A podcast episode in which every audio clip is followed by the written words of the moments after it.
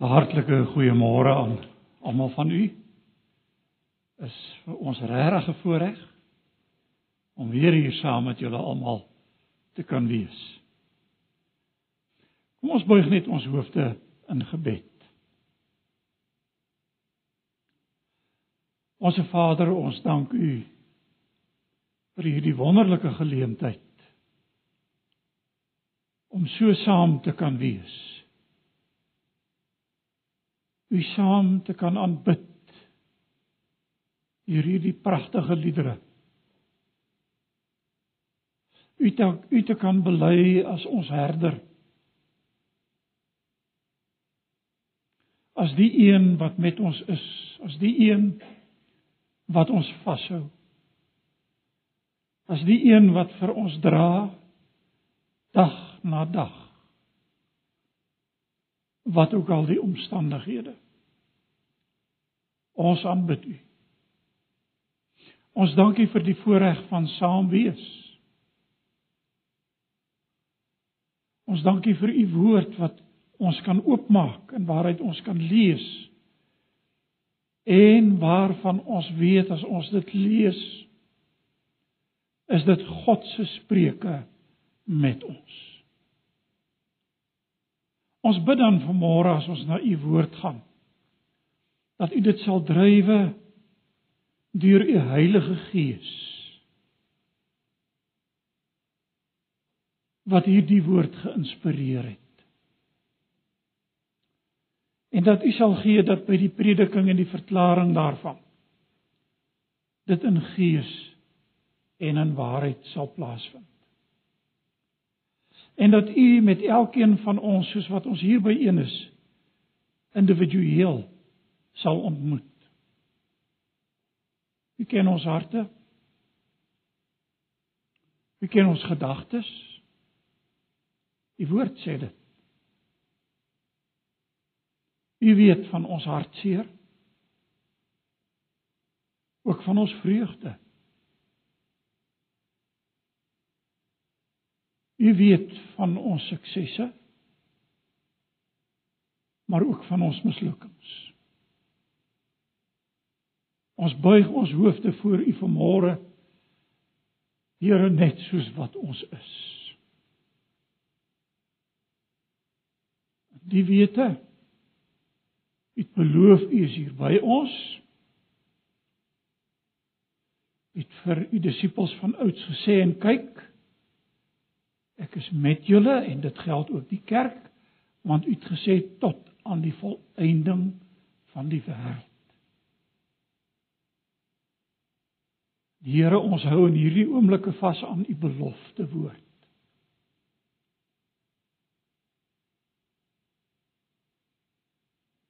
Ons vra dit alles in Jesus naam.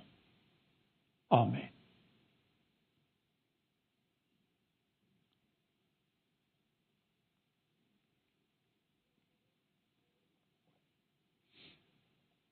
Skrifgedeelte wat ons gaan saam lees vind jy uit die evangelie volgens Matteus. Matteus hoofstuk 14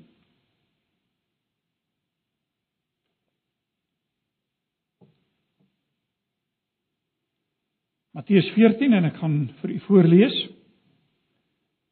vanaf vers 22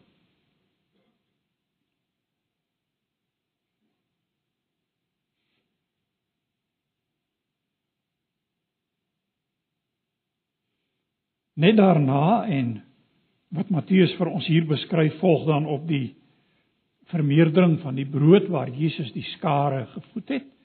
Nou sê die evangelie volgens Matteus hier vir ons net daarna het Jesus sy disippels in die skuit laat klim om so lank voor hom uit te vaar na die oorkant toe terwyl hy nog eers die mense huis toe laat gaan. Nadat hy die mense weggestuur het, het hy alleen na die berg toe gegaan om te bid. Toe dit aand was, was hy daar alleen. Die skuit was reeds 'n paar kilometer van die kus af en is deur die golwe getuister want die wind was van voor. Met dagbreek die volgende môre het hy op die see na hulle toe aangeloop gekom. Toe sy disippels hom op die see sien loop, het hulle groot geskrik en gesê dis 'n spook. Van angs het hulle hart begin skreeu. Maar Jesus het dadelik met hulle gepraat en gesê: Wees gerus. Dit is ek. Moenie bang wees nie. Toe sê Petrus vir hom: Here, as dit regtig U is, beveel my om by water na U te kom. Kom, sê hy. Petrus het uit die skuit geklim op die water begin loop, begin loop en naby Jesus gekom. Maar toe Petrus sien hoe sterk is die wind, het hy bang geword en begin sink en uitgeroep: "Here, red my." Dadelik het Jesus sy hand uitgesteek, hom gegryp en vir hom gesê: "Klein gelowige, waarom het jy begin twyfel?" Hulle het toe in die skuit geklim en die wind het gaan lê. Die manne in die skuit het voor Jesus gekniel en gesê: "U is waarlik die seun van God." Net hierdie gedeelte. En my bede is dat as ons hierdie hierdie gedeelte nagaan, die Here deur sy Gees dit opnuut lewend prakties en kragtig in ons eie lewe sal maak. Nou moet ek eers iets sê. En uh ek het vir die eerste keer oor hierdie gedeelte gepreek. Kan julle glo volgende jaar sal dit 40 jaar terug wees. En toe het ek oor hierdie gedeelte gepreek. En 'n mens bære mos maar jou ou preke. Party van hulle is ek huiwerig om om uit te haal en na te kyk. Want uh 'n mens wonder partykeer hoekom het jy sekere dinge kwyt geraak. Maar dit daar gelaat. Ek het na die preek gaan kyk en toe gevind ek het die fokuspunt van die preek gemaak. Petrus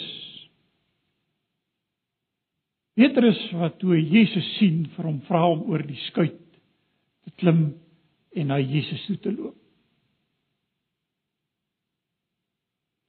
En my wegtrekpunt was dat hier was geloof in aksie. Maar voordat Petrus opgetree het, het hy gewag op 'n opdrag van die Here want hy het gesê Here, as dit U is, En toe sê Jesus vir hom kom. En toe Petrus die woord van Jesus hoor, toe reageer hy. Maar geloof het hy gebaseer op die woord van Jesus. Nie sommer lukraak nie. En dan loop Petrus op die water. So hy klim oor die rand van die skuit en hy loop. So my tweede gedagte daar was die woord het ook vir hom gedien as basis vir sy handeling. Kyk geloof gaan mos oor in aksie nie waar nie? Die Bybel praat mos van geloofsgehoorsaamheid. En Petrus op grond van die woord van Jesus glo en hy doen wat ek dink vir almal van ons belangrike momente is in ons eie lewe. En my derde punt was hierdie woord was ook die basis vir Petrus se volharding, maar daar dink ek ek bely nou daar ek misgetas. Want Petrus se volharding het afgehang van die hand van Jesus van Jesus wat hom gegryp het. want toe hy sink toe roep hy Here red my En toe dink ek weer oor die skrifgedeelte. En toe wonder ek, maar is dit die kern van die skrifgedeelte? En toe ontdek ek in my denke as ek hierdie gedeelte en ek het hom oor en oor na gekyk en gelees en toe dink ek nee. Dis deel van die gedeelte en dis nie 'n onbelangrike deel nie. Maar wat is die kern van hierdie gedeelte? En as ons nou in 'n Bybelstudie groep was, sou ek sê kom ons kom ons gee vir almal geleentheid om 'n opinie te gee. Want wat is die kern van hierdie gedeelte? Sou dit wees die storm op die see? Dis 'n belangrike deel van die gedeelte. Sou dit wees Jesus wat op die water loop? Wat ook 'n belangrike deel is van hierdie gedeelte. Sou dit wees die storm wat stil geword het? Weet jy, ek wil hê kyk saam met my mooi. Wat is die kern van hierdie gedeelte? Dit lyk vir my ek sê dit vandag met groot oortuiging, hierdie gedeelte sentreer om een groot waarheid. En dis die bekendmaking van wie Jesus is. die bekendmaking van wie Jesus is. Ons kan praat van sy selfopenbaring. Sy selfbekendmaking. Ek wil hê jy moet saam met my kyk hoe hierdie gebeure in hierdie gedeelte hulle self ontvou en waarom ek uitkom by hierdie punt dat ek is oortuig daarvan dat Jesus gekom het ook vanmôre hier om hom opnuut aan ons te toon, homself aan ons te toon, homself aan ons bekend te maak vanuit sy woord. Jy sien, daar's 'n aanloop tot hierdie gebeure, 'n belangrike aanloop. En nou kan nou kan julle maar in julle Bybels volg. Ek gaan dit so redelik sistematies hier deur die Bybel werk. Die aanloop van hierdie gebeure lees ons hier vanaf vers 22 net daarna En ek het vir u genoem dit het gebeur net na die vermeerdering van die brode, jy weet, die 5 brode en die 2 visse. Net daarna in die skare wat gevoed is, so die skare is nog hier by Jesus. Het Jesus sy disippels in die skei laat klim.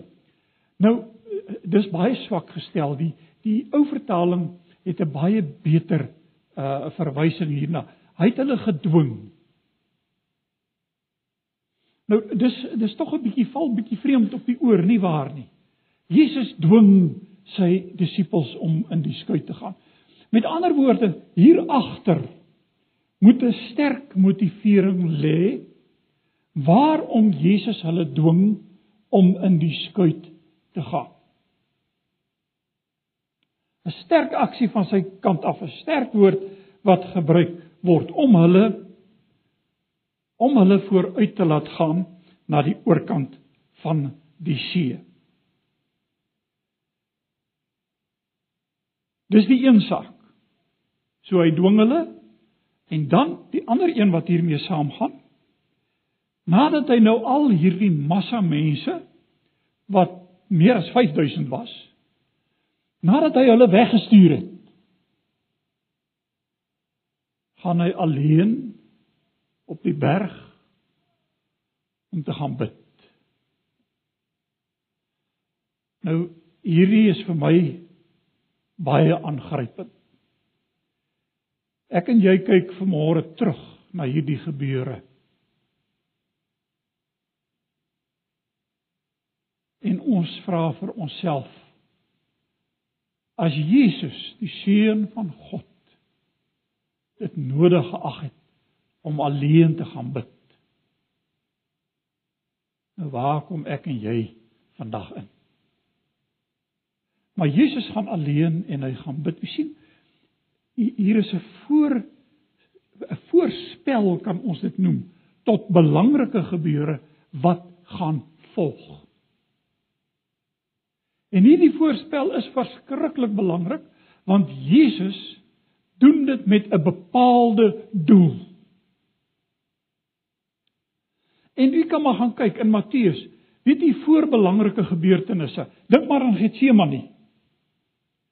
Voor die kruis en die smarte wat Jesus deurgegaan het. Gaan hy alleen om te gaan bid. Lukas verwys meer na Jesus wat gaan bid het, maar Matteus verwys hierdie graag in die konteks van voor belangrike gebeure. So Jesus gaan alleen om te bid wat klaar vir ons aandui iets belangriks gaan volg hierop. Dis die voorspel tot die gebeure. Hy het alleen gegaan, hy het gaan bid en nou kom die daaropvolgende gebeure. En dit bring ons by die gebeure self. En die gebeure self speel soos volg af as ons dit lees hier in die Bybel.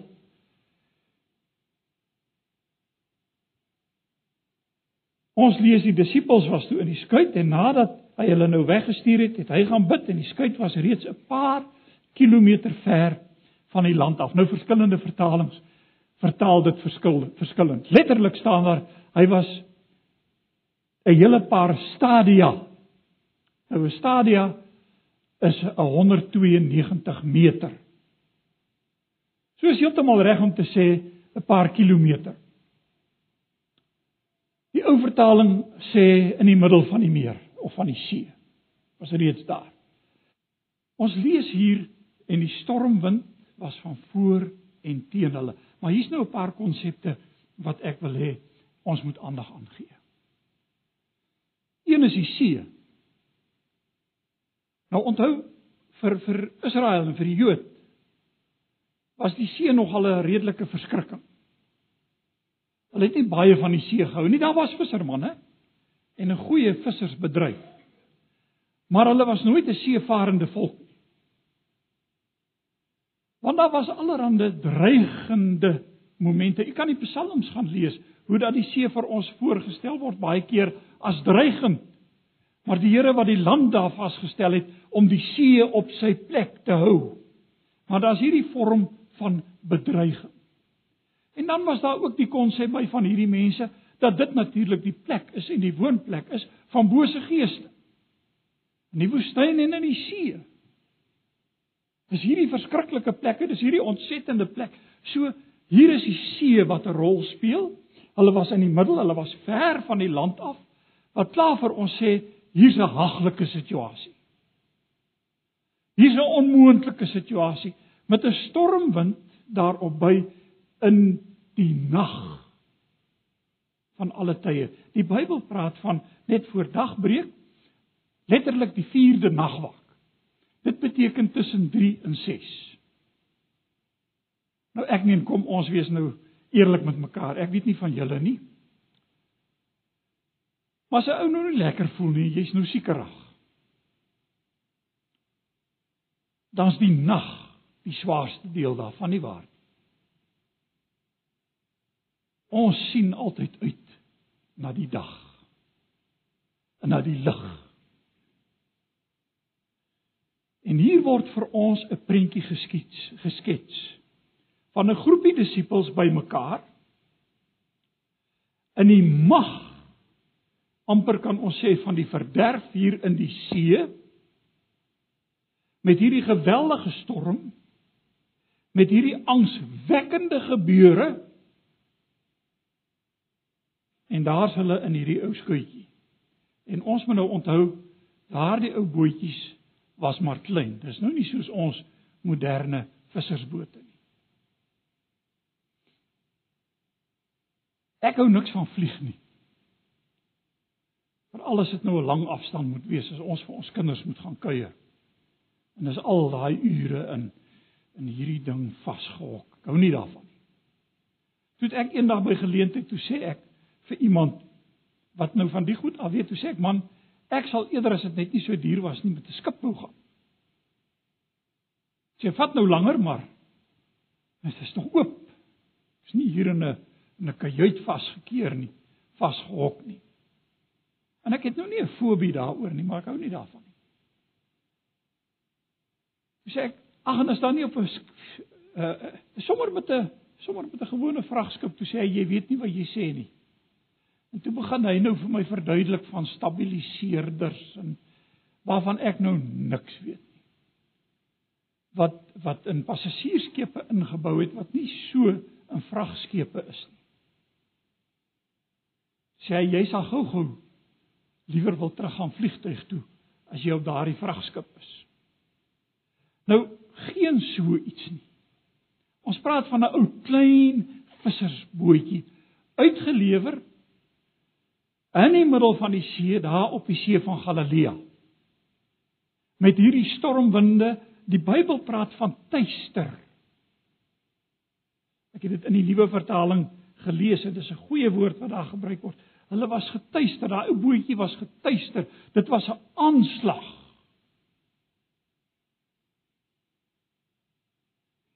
Broer en suster, ek vergeestelik nou nog niks hiervan nie. Ek sal iets hiervan sê by die toepassing. Want ek glo met my hele hart dat die gebeure wat hier afgespeel het, letterlik plaasgevind het. Jesus het letterlik sy disippels gedwing om in die skei te gaan. Hulle was letterlik in die middel van die see, ver van die land af met 'n letterlike storm wat oor hulle losgebars het, wat die wind teen hulle, hulle kan nie roei nie, dis 'n gesukkel.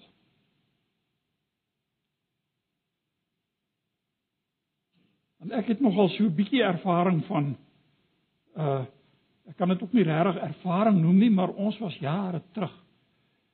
Die familie met die kinders was ons so daar af uh Rigtersveld se kant toe, daar in die rig daar in die Rigtersveld.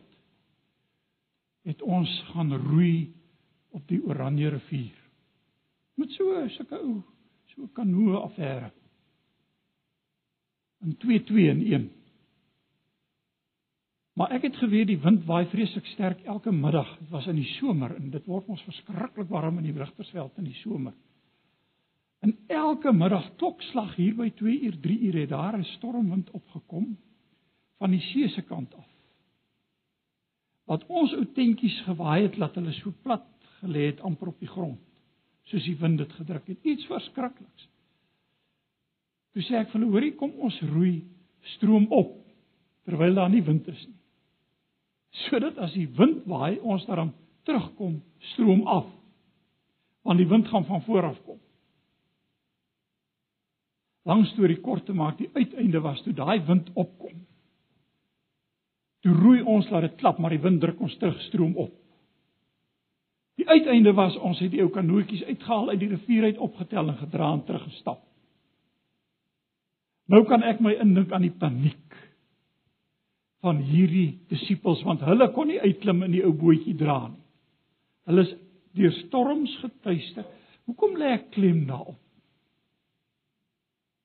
Dit is belangrik, weet u.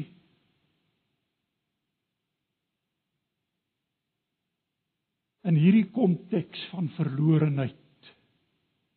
In hierdie konteks van wanhoop gebeur die ongelooflike. Daar kom iemand op die see aangestap.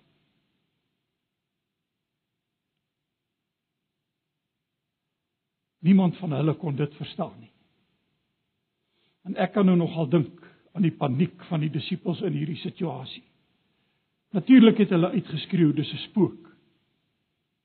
Maar ek meen ons sal vandag kom en sê man ons glo ons nou nie meer aan spookstories nie.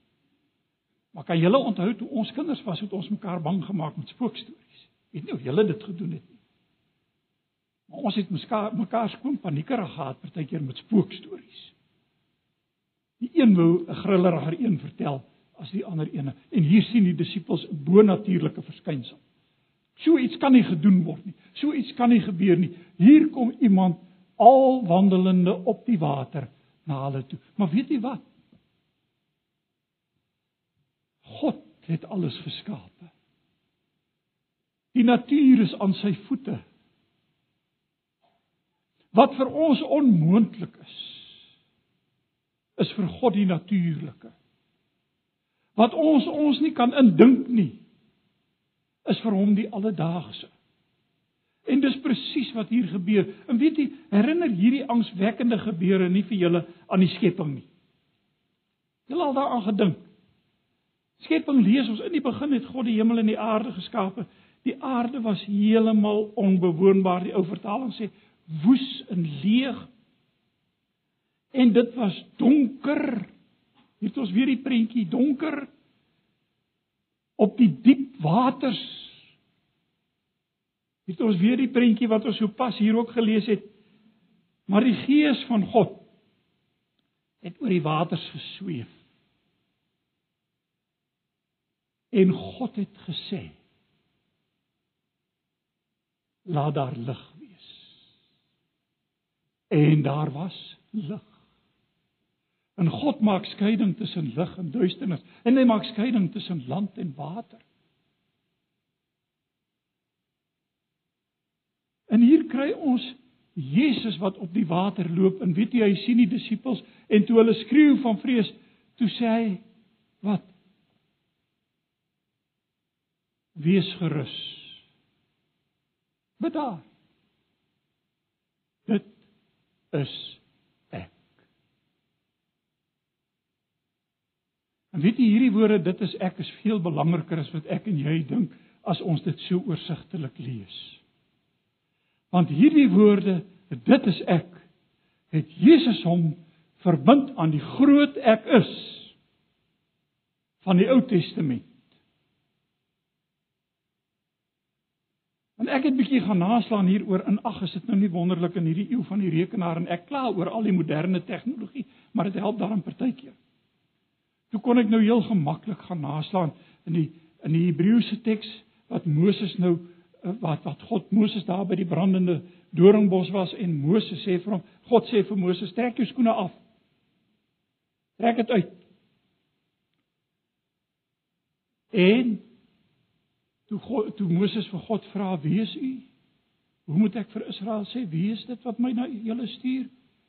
Wat antwoord God? "Ek is wat ek is." Toe doen ek nou iets. Toe gaan kyk ek nou in die Griekse vertaling van die Ou Testament. Wat is die woorde wat daar gebruik word? En ek gaan nou die Griekse woorde gebruik nou nie om om om om dit groot te laat klink nie, maar net dat julle kan hoor hoe belangrik is hierdie woorde. Die Griekse vertaling van daardie woorde ek is wat ek is is ego, ego eimi. Ego eimi. Gelede. Presies dieselfde woorde wat Jesus hier gebruik. Ego eimi. Ek is die selfbekendmaking van God in Christus Jesus daar in die donkerte in die duisternis in paniek in elende in gevaar. Daar kom hy en sê moenie vrees nie. Ek is.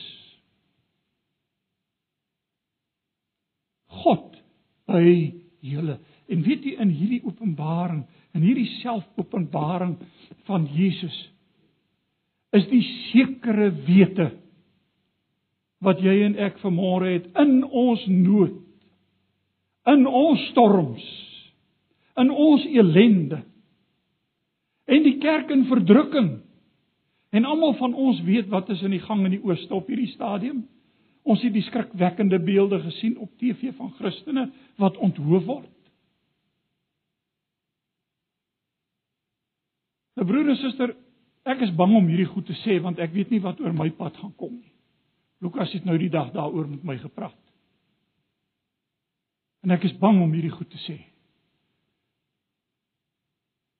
Maar dit lyk vir my ons moet sê as ons die Bybel glo. En as ons God glo. Dan moet ons ook vandag aanvaar dat in die diepste nood En in die diepste al ellende is hy daar om vir jou en vir my te sê moenie vrees nie. Ek is. Ek weet. Dis een ding om dit hier vir mekaar te sê. Dis 'n ander saak. As die duisternis in die golwe en die vrees toesak en jou wil verteer. Maar kom ons gryp dit vandag vas met albei hande want hier staan dit geskrywe ek is. Moenie vrees nie. Die God wat aan Moses verskyn het. Die God wat uit duisternis lig laat voorkom het 2 Korintiërs 1 Korintiërs 2 Korintiërs 4. Die God wat gesê het laat daar uit duisternis lig kom, dis die God wat hier aan die disippels verskyn. Dis die God wat in Christus Jesus vir jou en vir my deel van sy kudde gemaak het. Dis hy wat vanmôre vir ons kom sê ek is. Hy is hier by ons. Wat ook al ons nood, wat ook al ons ellende.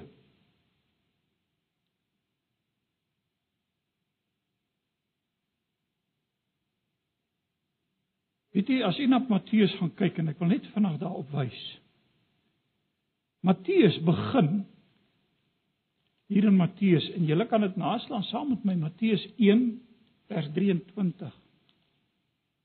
Dit is so belangrik om dit te weet.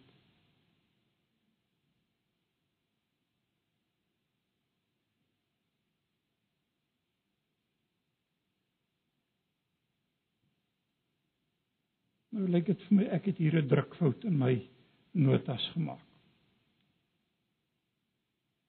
Nee. Kan julle onthou die aankondiging van Jesus se geboorte? Daar's hy. Matteus 1. Is ek wat verkeerd lees?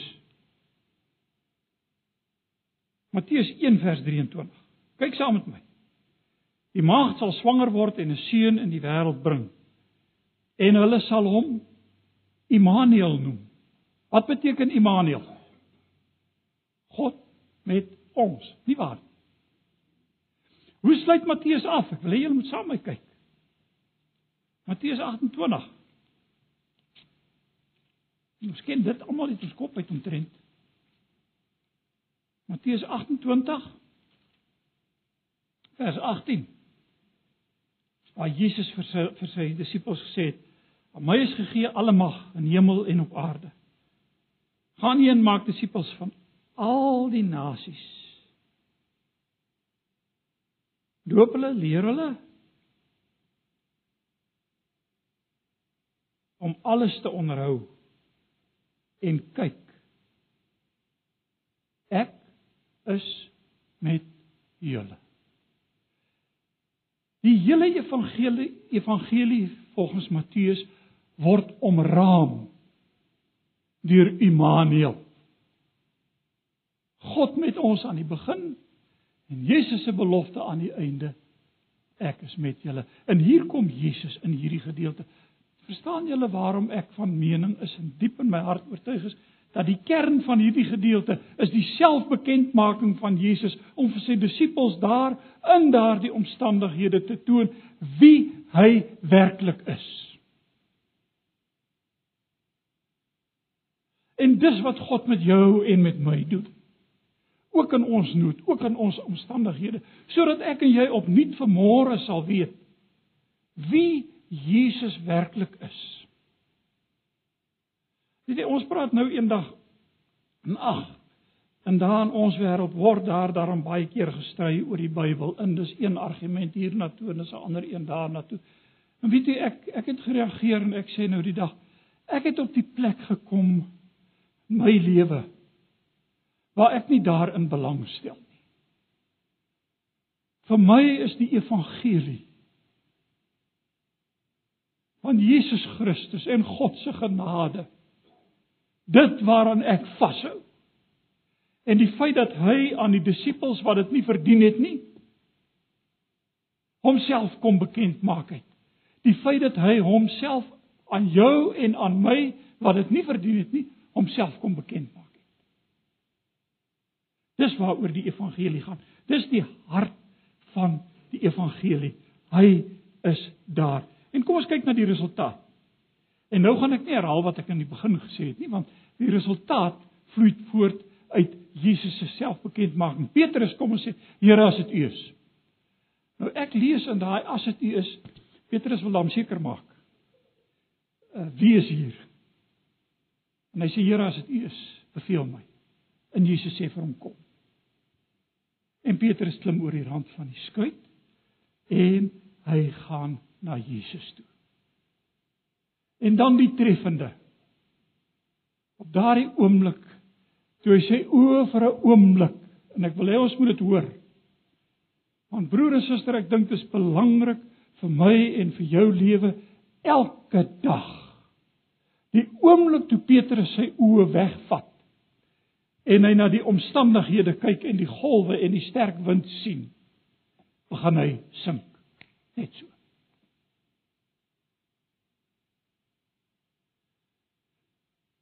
En al wat Petrus kon doen is: Here red. Ag hoeveel keer moes ek dit nie al doen nie. Daai uur van vertwyfeling. En daai uur wat die omstandighede vir my so groot word dat ek nie weet herwaarts of derwaarts nie, wat ek net kan uitroep: Here red. Dis wat Petrus gedoen het en weet jy? Ek is met julle.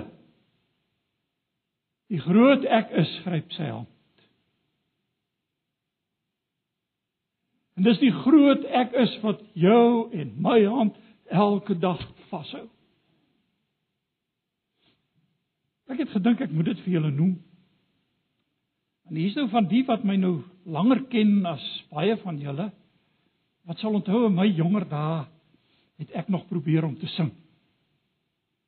Nou dit het ek nou heeltemal verleer. Ek kan nou glad nie 'n noot uitkry nie. Maar dit daar gelaat. Een van die liedere wat ek graag het gesing het en ek het dit baie keer in 'n solo gesing.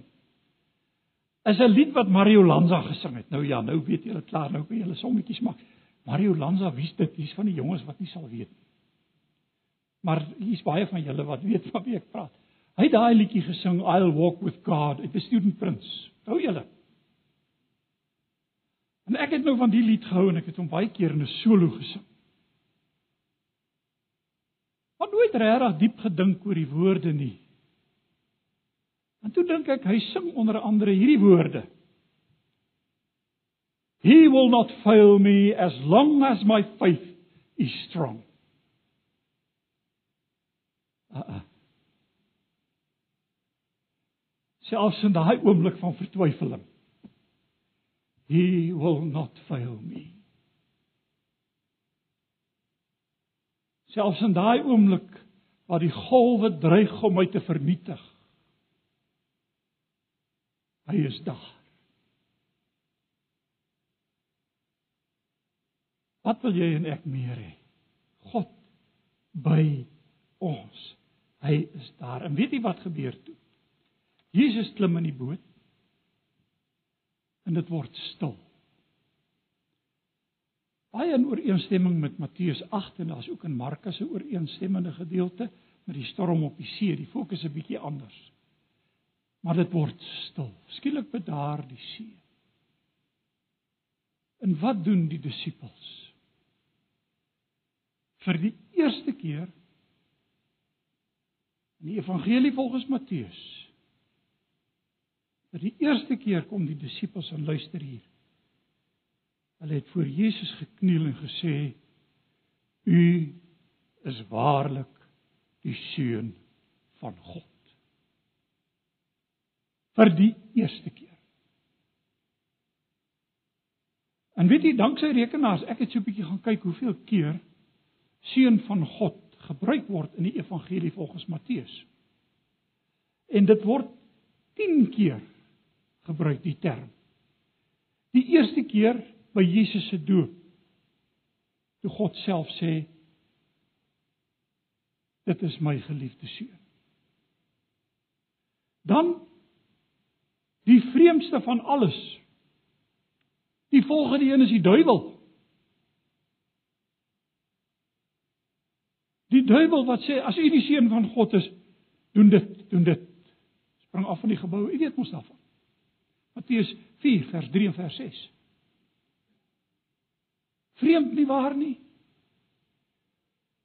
In die derde voorbeeld is dit demone. Toe hulle in paniek Jesus sien, toe sê hulle het u gekom om ons te pynig, seun van God. Demone. Maar nog nie 'n woord van die disippels nie. En dan in Matteus 14 vir die eerste keer die disippels. En dan daarna kry ons dit wat God self dit weer sê, Petrus wat dit gesê het, toe Jesus sê, "Wie sê die mense is ek?" en "Wie sê julle?" toe sê Petrus, "U is die Christus, die seun van die lewende God."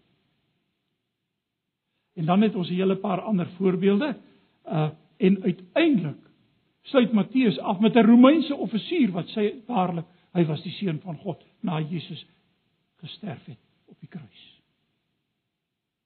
Seun van God. Broer en suster, dis hy wat vandag voor ons staan. En wat sy hand na ons uitstrek, almal van ons. En kom ons bely hom. saam met sy disippels. En kom ons staan. En ek gaan voor. En ek gaan namens u bely. Soos wat Petrus van ouds ook bely het en soos wat die disippels hier bely het. Kom ons staan. Neem vrymoedigheid. En kom ons bely saam. Waarlik U is die seun van God. Dankie. Kom ons bid saam. Here, U het ons stamelende woorde gehoor. En ons kom om saam met U disippels vanaand vir vir vanmôre te sê U is die seun van God. Ons bely en ons erken dit. Mag nou die liefde van God ons Vader, genade van ons Here Jesus, gemeenskap van sy Heilige Gees met elkeen van ons wees en bly totdat geloof oorgaan in aanskoue. Amen.